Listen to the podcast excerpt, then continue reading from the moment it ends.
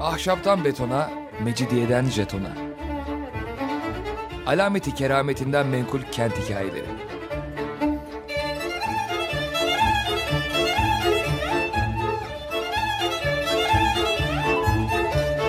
Hazırlayan ve sunan Pınar Erkan.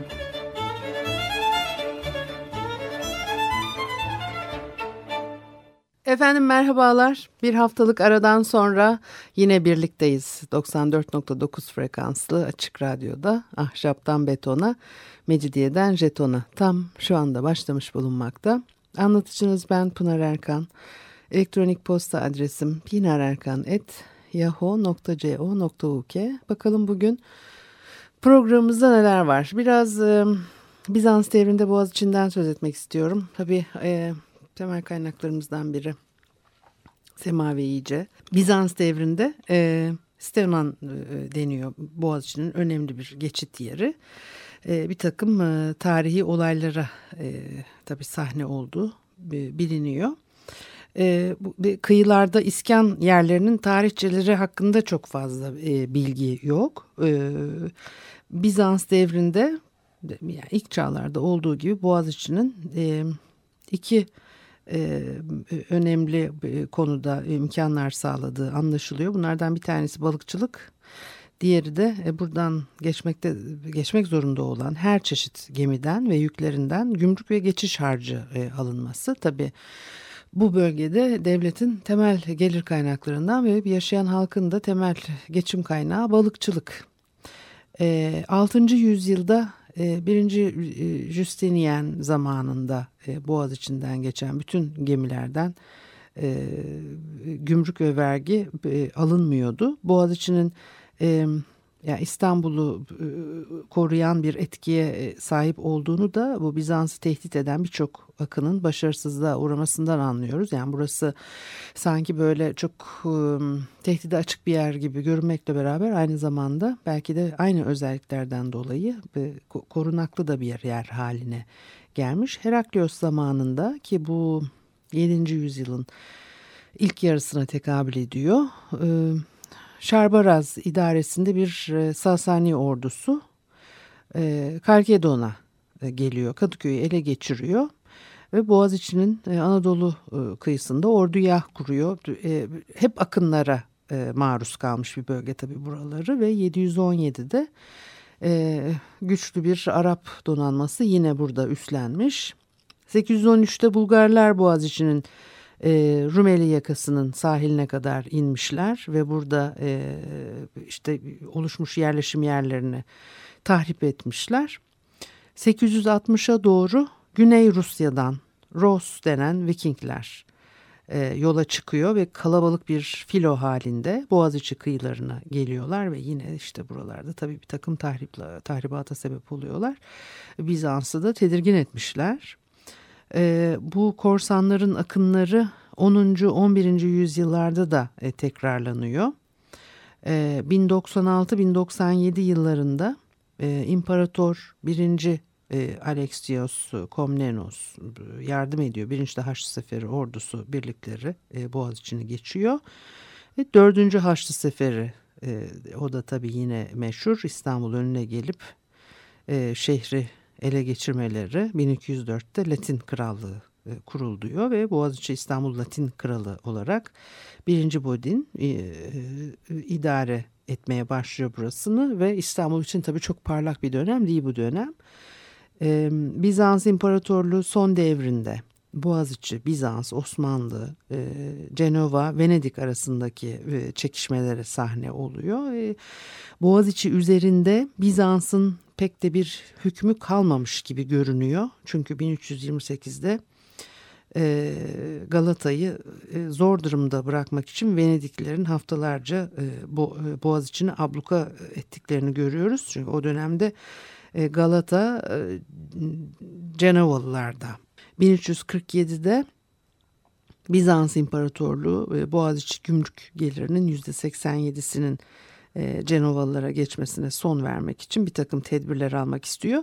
Fakat tabii bu, bu girişimlerinde de başarılı olamıyor. 1349'da Bizans donanması Boğaz içinde e, Cenovalılara yeniliyor. E, bu mücadele sonra daha da genişleyerek 1352'de Boğaz içinde büyük bir e, deniz savaşına yol açıyor. Cenovalılar e, Paganino Doria idaresindeler ve Osmanlı'dan yardım görüyorlar. Buna karşılık Nicola Pisani idaresinde Venedik donanması. E, onlar da Bizans ve Katalanlar tarafından destekleniyorlar. O çarpışma bütün bir gece sürüyor. Her iki taraf ağır kayıplara uğruyor.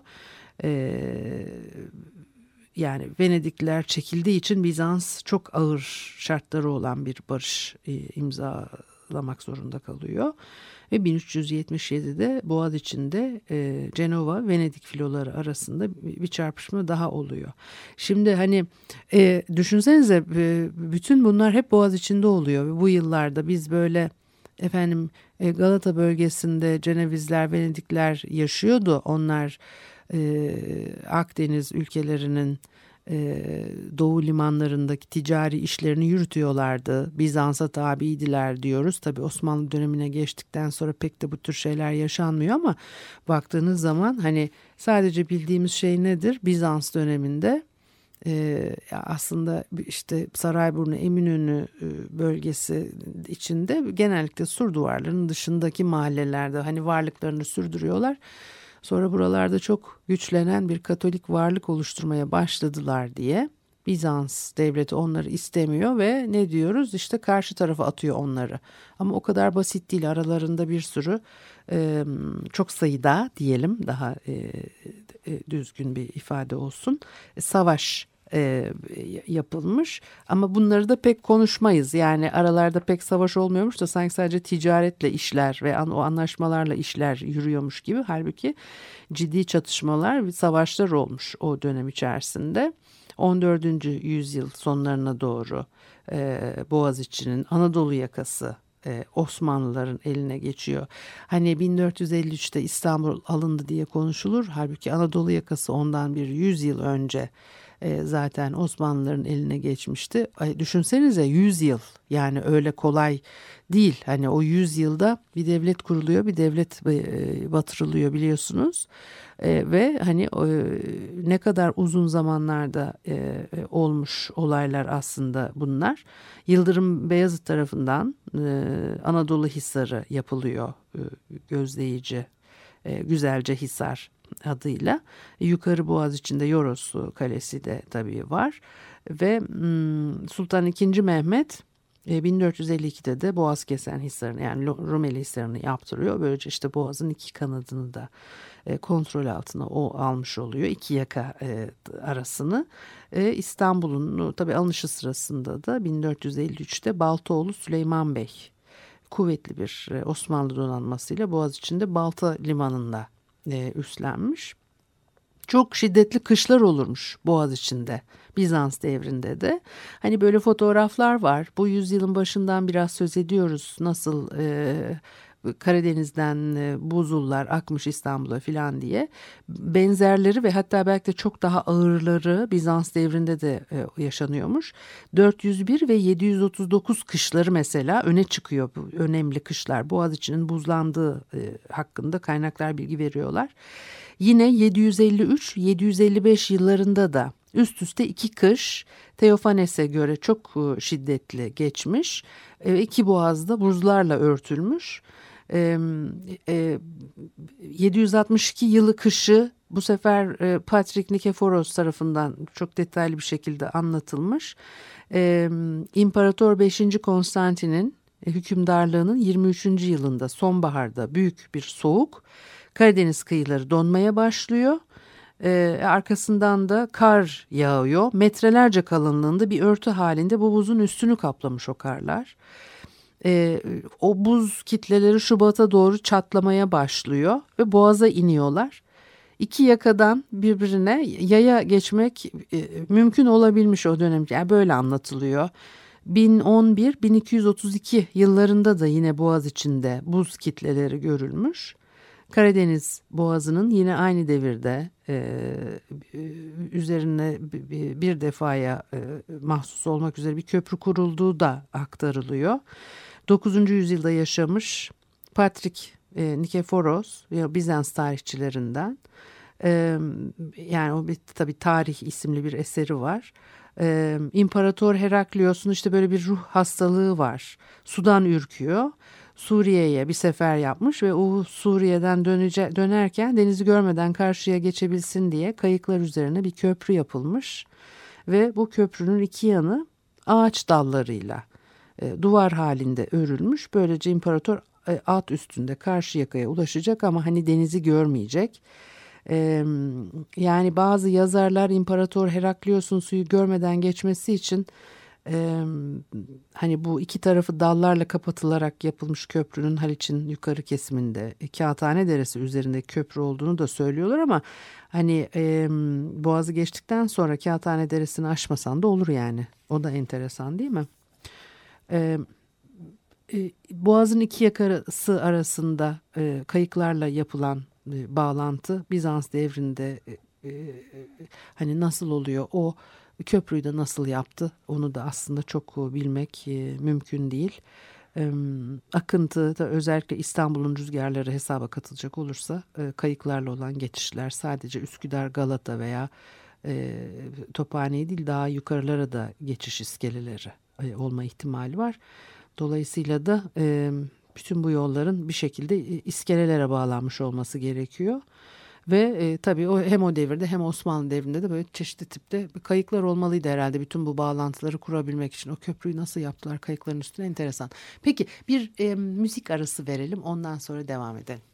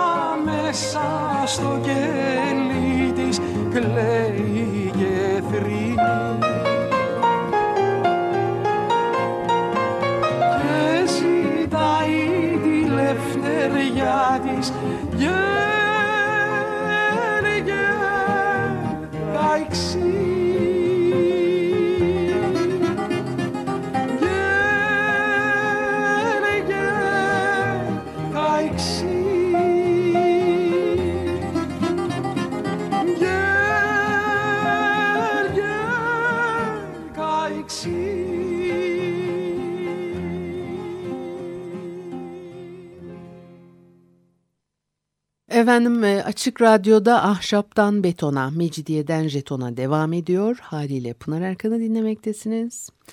E, Boğaz Bizans devrinde e, nasıldı? Biraz bazı yerler öyle de bütün boy, e, boylu boyunca her yerini konuşmak mümkün değil ama hani az söylenmiş şeyleri biraz e, aktarmaya çalışıyorum size. E, Bizans devrinde Anaplos ve Bizade e, adlarını taşıyan bir, bir yer Rumeli yakası ve en alt ucunda bir şehir e, e, halinde varlığını sürdüren e, Galata. E, e, ve bunun arkasından da Gümüşşehir denilen bir yer geliyor. Karşı tarafta da Üsküdar, altın şehir anlamında. Hani böyle sanki birbirine nazire olsun diye verilmiş bu isimler. O zaman muhtemelen Üsküdar işte o altın şehrin karşısında gümüş hani şehir olmalı gibi düşünülüyor. Şimdiki Tophane çevresinde Fındıklı'da e, olması e, muhtemel. Hadrianos ve Natalya adlarında 9. yüzyıl başlarında e, Metrofanes tarafından yapılmış bir e, kilise var burada. Tophane yokuşunda işte oradaki e, tekkelerin altında Bizans devrine ait bazı e, mahzen kalıntıları bulunmuş. Bu tarihte adı geçen bir hani e, manastırın e, kalıntıları e, olabileceğine işte ihtimal verebiliyor muyuz? Şimdi tabii artık pek de bir şey de görünmüyor. Yıkılacak şeyler yıkıldı. Kalanlar da binaların altında. Geçmiş dönemlerde bu bölgelerde bazı yıkıntılar daha çok hani göz önünde duruyordu. Dolayısıyla da mezar taşları da çıkıyormuş. Yani kazılarda daha çok, bina inşaatları da daha çok. Gerçi şimdi de hani yeniden bir inşaat süreci söz konusu. Yine bir şeyler belki ortaya çıkıyor ama eskiden e, belki de daha ilginç bulunarak hani gazetelere de yansıyabiliyordu. Şimdi bunlar ne kadar e, yansır, ne kadar saklanır onu hiç bilemiyoruz. Fakat bu bölgede de sürekli e, ya binaların altından ya küçük kazılarda ya inşaat kazılarında hep e, mezar taşlarına bina e, işte e, parçalarına rastlandığını biliyoruz ve e, kayda da geçmiştir e, bunlar. Mezarlık da varmış. Bu bölgelerin zaten hep mezarlık olduğunu da e, biliyoruz. Fakat işte kentleşme e, süreci içerisinde bakıyorsunuz hem de 19. yüzyılda zaten çok hızlı ilerliyor ve e, hangi e, dinin e, mezarlığı olduğuna bakılmaksızın hani bunlar yıkılıyor, taşınıyor filan ama daha önceki dönemlerde de benzer yaklaşımların sergilendiğini görüyoruz. İmparator 1. Anastasios ona karşı isyan eden Vitelinianus bir filosu var. Deniz Savaşı'nda yeniliyor. Butaryon Kabataş kıyısı olarak kabul ediliyor. Hep parça parça yani deniz üstünde e, kıyılar boyunca buralar bir takım savaşlara e, tanık olmuş. Dolmabahçe'nin ilerisinde e, Beşiktaş'a doğru bir yerde Bizans devrinde 5. yüzyılda adı geçen bir e, Ayamama e, yeri bir bölgesi e, e, anlatılıyor bu. Hmm, bizim bildiğimiz daha çok Bakırköy'de değil mi? Ama bu öyle değil. Yine de neresi olduğunu tam anlayamıyoruz. Bir de manastır varmış burada. E, bir kilise, bir saray, bir hipodrom, 12 e, gözlü bir köprü, bir de liman bulunduğu biliniyor. E, şimdiki Ihlamur Deresi'nin aktığı bölgede olması gerekiyor diye de tahminlerde bulunuluyor. Yani zaten bunların net bir şekilde nerede olduğunu çıkarmak şu an için mümkün değil öyle anlaşılıyor. Neo Embolos yeni direkli cadde ve e, taş döşeli bir yer olduğu anlaşılan e, litostrotos e, yerleri karşımıza çıkıyor. Yani arazinin e, bataklık olması sebebiyle burada kaldırımda bir yol bulunduğunu tabii tahmin edebiliriz. Yarım yuvarlak biçimli, etrafı revaklı e, bir meydan. Bizans e, sigma harfinin C şeklinde yazılmasıyla işte benzetme yaparak buraya sigma diyorlarmış. Ve Ayamama yortusu 2 Eylül günü bu meydanda kutlanıyormuş ama nerede kutlanıyormuş tam olarak yerini bilene aşk olsun. Bütün Boğaziçi kıyıları arasında Bizans çağında e, geniş ölçüde tek yerleşmenin bu Aya Mama'da olduğu e, düşünülüyor ama e, Boğaz olduğunu da anlıyoruz tam yerini e, bilemiyoruz. İki gözlü köprü kışın özellikle Şubat aylarında taşkın halinde kuvvetli bir akarsu veya e, sel yatağın üzerinde bulunduğunu ve insana e, dehşet verdiği bilindiğine göre kaynaklarda çünkü öyle e, ifade ediliyor. Ihlamur Deresi gibi bir cılız su üzerinde e, bulunması ihtimali de e, zayıf. Tabii o zamanlarda belki de e, Ihlamur Deresi çılgın e, şekilde akıyordu. Onu da e, bilmek mümkün değil. Ayamama'nın Boğaz içinde değil şehrin batısında işte Bakırköy taraflarında olacağını da tabii söyleyenler var. Neyse yani nihayetinde ama o o, o kadar enteresan bir hani yer haline alıyor ki bu aslında tarihi süreç içerisinde çünkü savaşlardan kaçanlar buraya gelmiş e, bu bölgede mesela akaretlerin dibinde 1956'da e, Beşiktaş veya Köprü Hamamı e, yıkıldığı zaman onun yakınında 19. yüzyıla kadar da bir köprü bulundu. Hatta 18 e, Temmuz 1811'de yağan çok şiddetli bir yağmurun yarattığı sellerle yıkıldığı da biliniyor. Eğer Bizans devrinin bir köprüsü değilse onun yerini tutmak üzere Türk devrinde hani yapılmış olma ihtimali de yüksek. Dolayısıyla Ayamama semtinin Dolmabahçe Beşiktaş arasında olduğu e, fikri de Uspenski mesela bunu ilk defa 1892 yılında söylemiş. Ee, ve Bizans devrinde İstanbul'un topografyasını çok iyi bilen başkaları var. Ee, onlar da bunu destek, desteklemişler. Rumeli yakasında Üsküdar'ın karşısında İstanbul'u gören bir yerdeydi diye tarif ediliyor e, bir yangın oluyor. Bu yangından kaçan birinci Leon 6 ay burada oturmuş. E, adeta yeni bir merkeze dönüşmüş o süreçte burası. 5. Konstantin de burada yaşamayı tercih etmiş. İkonoklazma hareketleri sırasında Martir Petros 761'de burada öldürülmüş. Giritli Andreas 767'de burada mahkum edilmiş. Ee, İmparatoriçe Irene ve torunu 7. Konstantin Ayamama'da oturmuşlar. Konstantin kendisine karşı Annesinin kışkırttığı ayaklanmada 797'de buraya sığınıyor. Bulgar Çarı Kurum 813'te İstanbul'u kuşattığında buraya geliyor.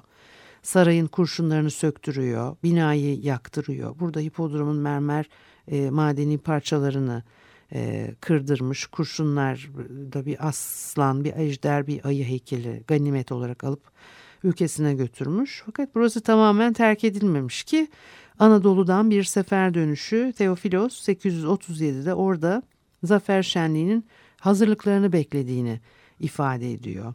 Oğlu sarhoş Mikael Ayam, yani, e, çok özür dilerim. Yani böyle geçiyor kaynakta böyle birden pat diye söyledim ama Ayamama'da yaşıyor ve buradaki hipodromda e, araba koşturarak vaktini geçiriyormuş.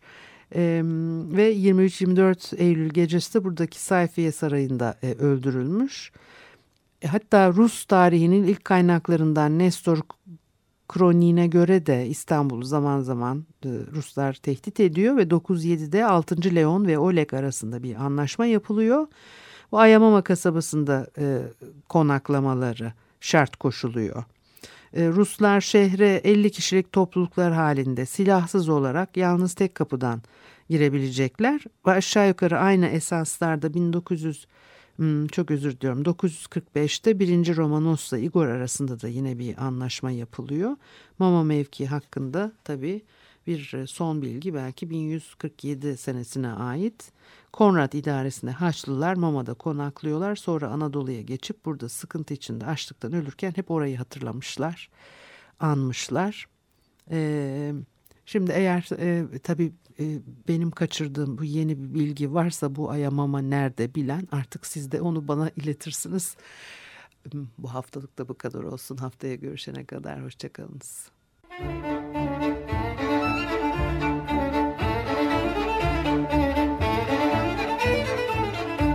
Ahşaptan betona, mecidiyeden jetona. Alameti kerametinden menkul kent hikayeleri.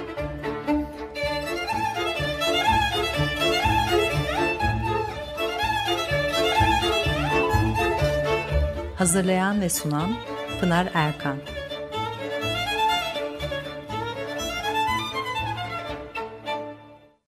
Açık Radyo program destekçisi olun